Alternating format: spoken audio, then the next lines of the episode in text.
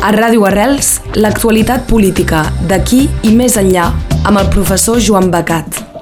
Joan Becat, bon dia. Bon dia. L'actualitat dona feina, hi ha moltes coses a comentar avui i les eleccions. Per començar, parlarem de les europees a l'estat francès. Sí, mo moltes coses a dir i, i, i evidències, diguem.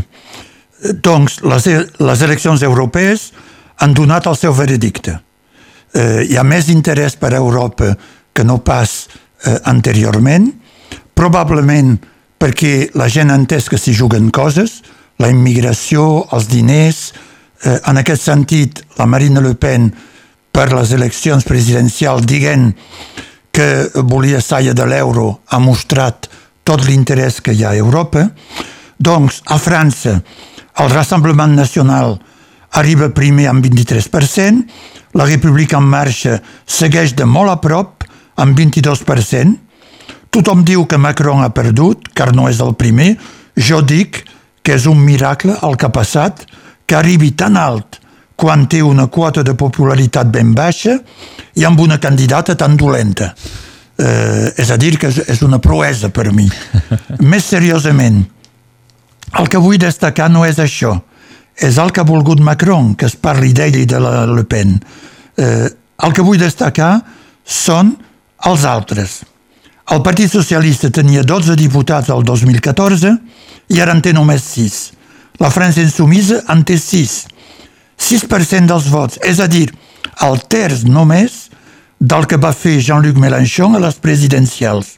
Hamon ha desaparegut. Se sabia que Macron havia liquidat l'esquerra socialista, ara és la França insumisa que també s'enfonsa. Quan pensi a tots els esforços que van fer algun dels seus diputats per fer-se veure amb els gilets jaunes, les armilles grogues, no ha servit per poca cosa. El més sorprenent de tot, l'ensenyament major, és l'enfonsament dels republicans, que fins ara aguantaven.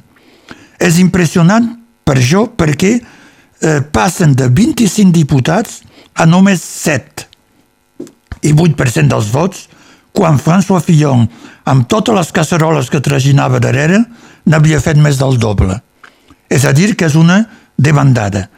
Pensi que aquesta beresina és en part deguda al Vauquier mateix, que no arriba a imposar-se, però sobretot a l'estratègia d'Emmanuel Macron, que ha guanyat. Eh, per ell, la Marine Le Pen no li fa por, sap que no passarà mai, ni ara ni mai, però sí que la dreta pot ser una alternativa. És a dir, que fent intervencions a les últimes setmanes, focalitzant el debat entre ell i el Rassemblement Nacional, evidentment l'ha favorit, ha pogut recuperar uns vots per la seva llista, però, sobretot, ha pres els republicans en entrepà, en sandwich, i ha ajudat fortament a la seva impressionant baixada. Car el vot útil de la dreta va ser o bé Macron, pels moderats, o bé Le Pen eh, pels altres. Ara bé, la pregunta subsidiària és on han passat els vots de les armilles grogues i de la gent que suportaven. No són a Cal Mélenchon, són al Front Nacional? Probablement. A Catalunya Nord, el Rassemblement Nacional és primer de lluny, amb 33%, i segueixen eh, la República en marge, amb 17%, els Verds i els altres. Com a França. Les Républicains, la França insumisa i el Partit Socialista s'enfonsen també aquí. Per exemple, els republicans passen de 18 a 7% i els socialistes de 12 a 6, és a dir, les mateixes proporcions que arreu de l'Estat. Això vol dir que el pròxim batlle de Perpinyà serà Lluís Alliu? No és cert, car les eleccions europees del 2014 el Front Nacional havia fet 35% als Pirineus Orientals. O sigui que, tot i el seu escort de diumenge, han baixat una mica. Evidentment, tot dependrà de la dinàmica de la dreta clàssica d'aquí, ara per ara és dividida, i dependrà de la seva capacitat d'unió a la segona volta. Interessant de dir el que passa a Espanya. Els resultats són absolutament semblants a les eleccions generals del mes passat. No és sorprenent, perquè se sap que a pocs mesos de diferència la gent no canvia el seu vot. Per tant, el PSOE arriba primer amb 33% dels vots, llevat del País Basc i de Catalunya. Això és significatiu. Són les dues Espanyes, la central i la perifèrica. Per tant, el PSOE eh, té tota raó de ser satisfet. El PP i Ciutadans baixen, tots dos, com també Podemos. Aquest probablement pel vot útil als socialistes. Vox tindrà tres diputats i ha fet 6% dels vots. Tothom a Espanya diu uf, eh, però jo crec que eh, demostra que Vox s'arrela, que s'està implantant.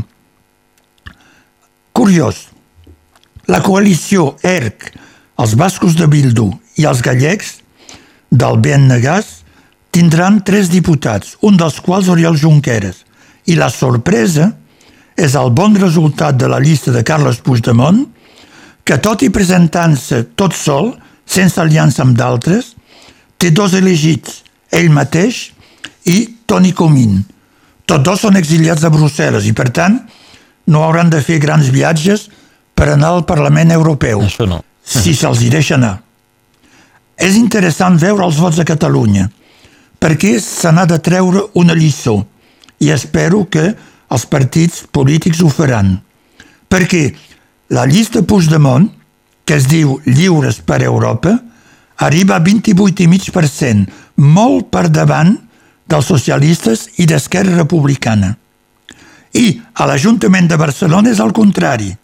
És Esquerra que ha arribat primera, amb diferència, eh, davant dels socialistes i també de Junts per Catalunya. Això vol dir que molts votants independentistes han votat diferent al mateix dia i han votat útil les dues vegades. Per l'acció exterior i el lideratge de Catalunya han triat el president Puigdemont. I per Barcelona han pensat que podria guanyar Ernest Maragall, que era el sol que podia guanyar, i la seva llista d'Esquerra Republicana. I això ha passat. Significa, doncs, que les baralles dins l'independentisme entre partits no són seguides pels ciutadans, que ells voten l'un o l'altre, volen que a cada elecció guanyi l'independentisme, independentisme que ha progressat i és gairebé al 50%. Significa que, tot i la repressió, tot el judici i les baralles de partit, i veureu per això, va progressant cada vegada, a cada elecció, l'independentisme a Catalunya. Aviam si n'aprenen doncs, els líders dels partits a veure que la ciutadania doncs, no els segueix en aquestes bagalles. Hem parlat de les europees, entrem ara en les municipals. Molt interessants també. És Esquerra Republicana que progressa més a Catalunya. Guanya Barcelona, com hem dit, però també pren la ciutat de Lleida, els socialistes, que hi eren des de sempre, des de fa més de 40 anys des de eh, que hi ha eleccions, diguem. Pot també Esquerra Republicana governar en coalició a Tarragona. Ja veurem. Recupera també Manresa. Però, en total, és Junts per Catalunya que tindrà el més gran nombre de regidors a tot el país. Conserva Girona, Vic, Olot, Figueres o Reus. Els socialistes, ells se queden forts únicament a la perifèria de Barcelona, al cinturó urbà del Vallès i del Baix Llobregat, els llocs d'immigració castellana històrica, castellana i andalusa. Però perden Terrassa, on, sorpresa, guanya un socialista. Com és possible que un socialista guanya contra els socialistes? Doncs, l'antic batlle del Partit Socialista de Catalunya havia abandonat aquest partit i ha estripat el seu carnet de militant a causa del 155 que havien aprovat els socialistes. S'ha tornat a presentar com a independent contra un candidat del Partit Socialista i l'han elegit a la primera volta amb majoria absoluta. A diferents social... municipis socialistes Ha passat també. Són batlles crítics que han estat elegits. Això hauria de fer reflectir una mica aquest partit, però em sembla que no em prendran la grana. Ara bé, el més esperat era el resultat a Barcelona. Doncs ha guanyat Ernest Maragall, Barcelona tindrà probablement, no és segur, un ball independentista, però ha anat de poc. Ha fet 21,3% dels vots i ha de Colau 20,7%, un mocador. Els dos tindran 10 elegits, però aquests pocs vots faran batlle un segon Maragall, el germà del Pasqual Maragall, el batlle dels Jocs Olímpics del 92. Esquerra progressa de 5 a 10 regidors. El tercer és el socialista Jaume Collboni, que havia dirigit amb Ada Colau i ha fet una campanya brutal dient que ell seria el cordó sanitari contra l'independentisme. Així, té nou regidors. Segueixen amb sis regidors Manuel Valls i Ciutadans, que fracassa doncs. És una gran bufetada. Però aneu saber amb aquest animal, amb aquesta persona, dic animal perquè és un cameleó. és a dir, que canvia de color a tot moment. Eh, no, no dic que és un animal, eh, com no, ell. Eh, la gent ho interpreta malament sempre. Ja comença a cercar una porta de, de seguida. Ho ha dit l'endemà mateix. Si Ciutadanos pacta amb el Partit Popular i Vox per guanyar Madrid, ell deixarà Ciutadanos. És a dir, que s'escapa. N'ha aprofitat, ha aprofitat del temps de paraula, dels electors, i ara eh, adiu Cargol. Això vol dir que realment era el representant de Ciutadanos, quan ha dit tota la campanya que no. Però eh, això vol dir també que deu pensar una altra jugada possible i que és molt probable que passi, segons crec. Si Colau i Colboni s'ajunten, tindrien 19 regidors, o sigui que els hi faltarien dos. Aguanteu. Fa difícil que l'esquerra libertària eh, pacti amb la dreta eh, de Ciutadanos. Però amb un Manuel Valls i un altre de la seva llista que passarien a ser independents, 19 més 2, 21. Doncs majoria absoluta. Ja veurem. És una cosa que es dissenya. Ada Colau, ara per ara, i els socialistes fan molta pressió sobre Maragall per fer una coalició d'esquerres, Esquerra Republicana, En Comú i els socialistes. Efectivament, farien 29 regidors. Eh, però, una gran majoria, però seria rompre en Junts pel Cat, per Catalunya. I què passaria a la Generalitat on governen Junts? Deixarien? I d'altra banda, seria possible un pacte entre un independentista, Maragall, i un antiindependentista virulent com Collboni? Seria realment sorprenent. Ara bé, en política tot és possible. Si cap coalició no té majoria per governar, és el que ha arribat primer que governarà en minoria. Doncs Ernest Maragall i Esquerra. Els dies que vindran seran molt, molt interessants. Doncs segur que sí, ve d'aquí per les eleccions europees i municipals. Un altre tema que volem tractar abans d'acabar, tenim encara uns minutets, és el Tribunal Suprem que ens ha ofert una lliçó de lingüística. Sí, absolutament eh, sorprenent i que ningú no esperava, però deliciosa. La setmana passada passaven al tribunal experts, perits, citats per l'acusació o per la defensa. Destacaré dos professors universitaris, dos sociòlegs, John Paul Lederac, un americà especialista d'intervencions per la pau, i Jesús Castanyar, de la Universitat de Castella-La Manxa, doncs un castellà, que ha escrit sobre resistència civil i sobre la no violència. Els dos van afirmar el pacifisme de les mobilitzacions a Catalunya al setembre i a l'octubre del 2017, cosa que va en contra de les declaracions dels policies i guàrdies civils. Però vull destacar sobretot un moment sorprenent, deliciós, com he dit. La defensa va citar Gemma Rigau, una lingüista, membre de l'Institut d'Estudis Catalans, la nostra Acadèmia de la Llengua Catalana, sobre una traducció d'un informe dels Mossos d'Esquadra, en català, que l'acusació produeix, amb traducció castellana, contra Joaquim Forn i els Mossos d'Esquadra. Gemma Rigau ha donat en cinc minuts una lliçó lingüística magistral de traducció i de comparació del català i del castellà.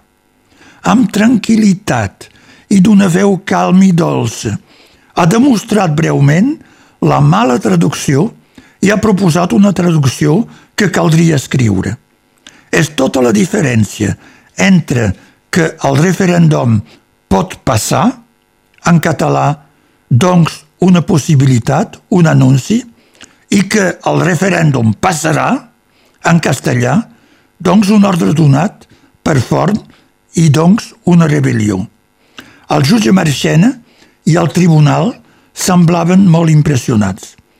Aquest moment ens ha de fer orgullosos de la nostra acadèmia i dels seus lingüistes. La setmana ha acabat amb la decisió de la mesa del Congrés espanyol, presidida, recordi, per Meritxell Batet, cap de llista dels socialistes a Catalunya, un altre com Collboni, que aquesta mesa ha tret els seus drets de diputats els quatre elegits catalans actualment processats al judici. De la mateixa manera que el govern Rajoy, Partit Popular, havia deixat fer la feina bruta de l'1 d'octubre a Enric Millo, un català, ara Pedro Sánchez i el govern del PSOE han posat dos catalans al cap de les Corts i del Senat espanyol per fer la feina bruta. I la fan. Us ho havia dit la setmana passada. És exactament una situació colonial. Dic ben bé, colonial. França o Anglaterra, a les seves colònies que tenia, a Àfrica i altres llocs, feien el mateix. Utilitzaven els caps dels indígenes, els que manaven, per fer la feina i mantenir la gent i eventualment pagar. Eh, Espanya fa el mateix amb Catalunya, amb catalans, que no sé com se'ls ha de qualificar, però no és una feina gaire agradable que fan. Vet aquí comentari sobre l'actualitat d'aquests darrers dies, actualitat que ens presentava Joan Becat. Moltes gràcies, adiu. Bon dia a totes i a tots.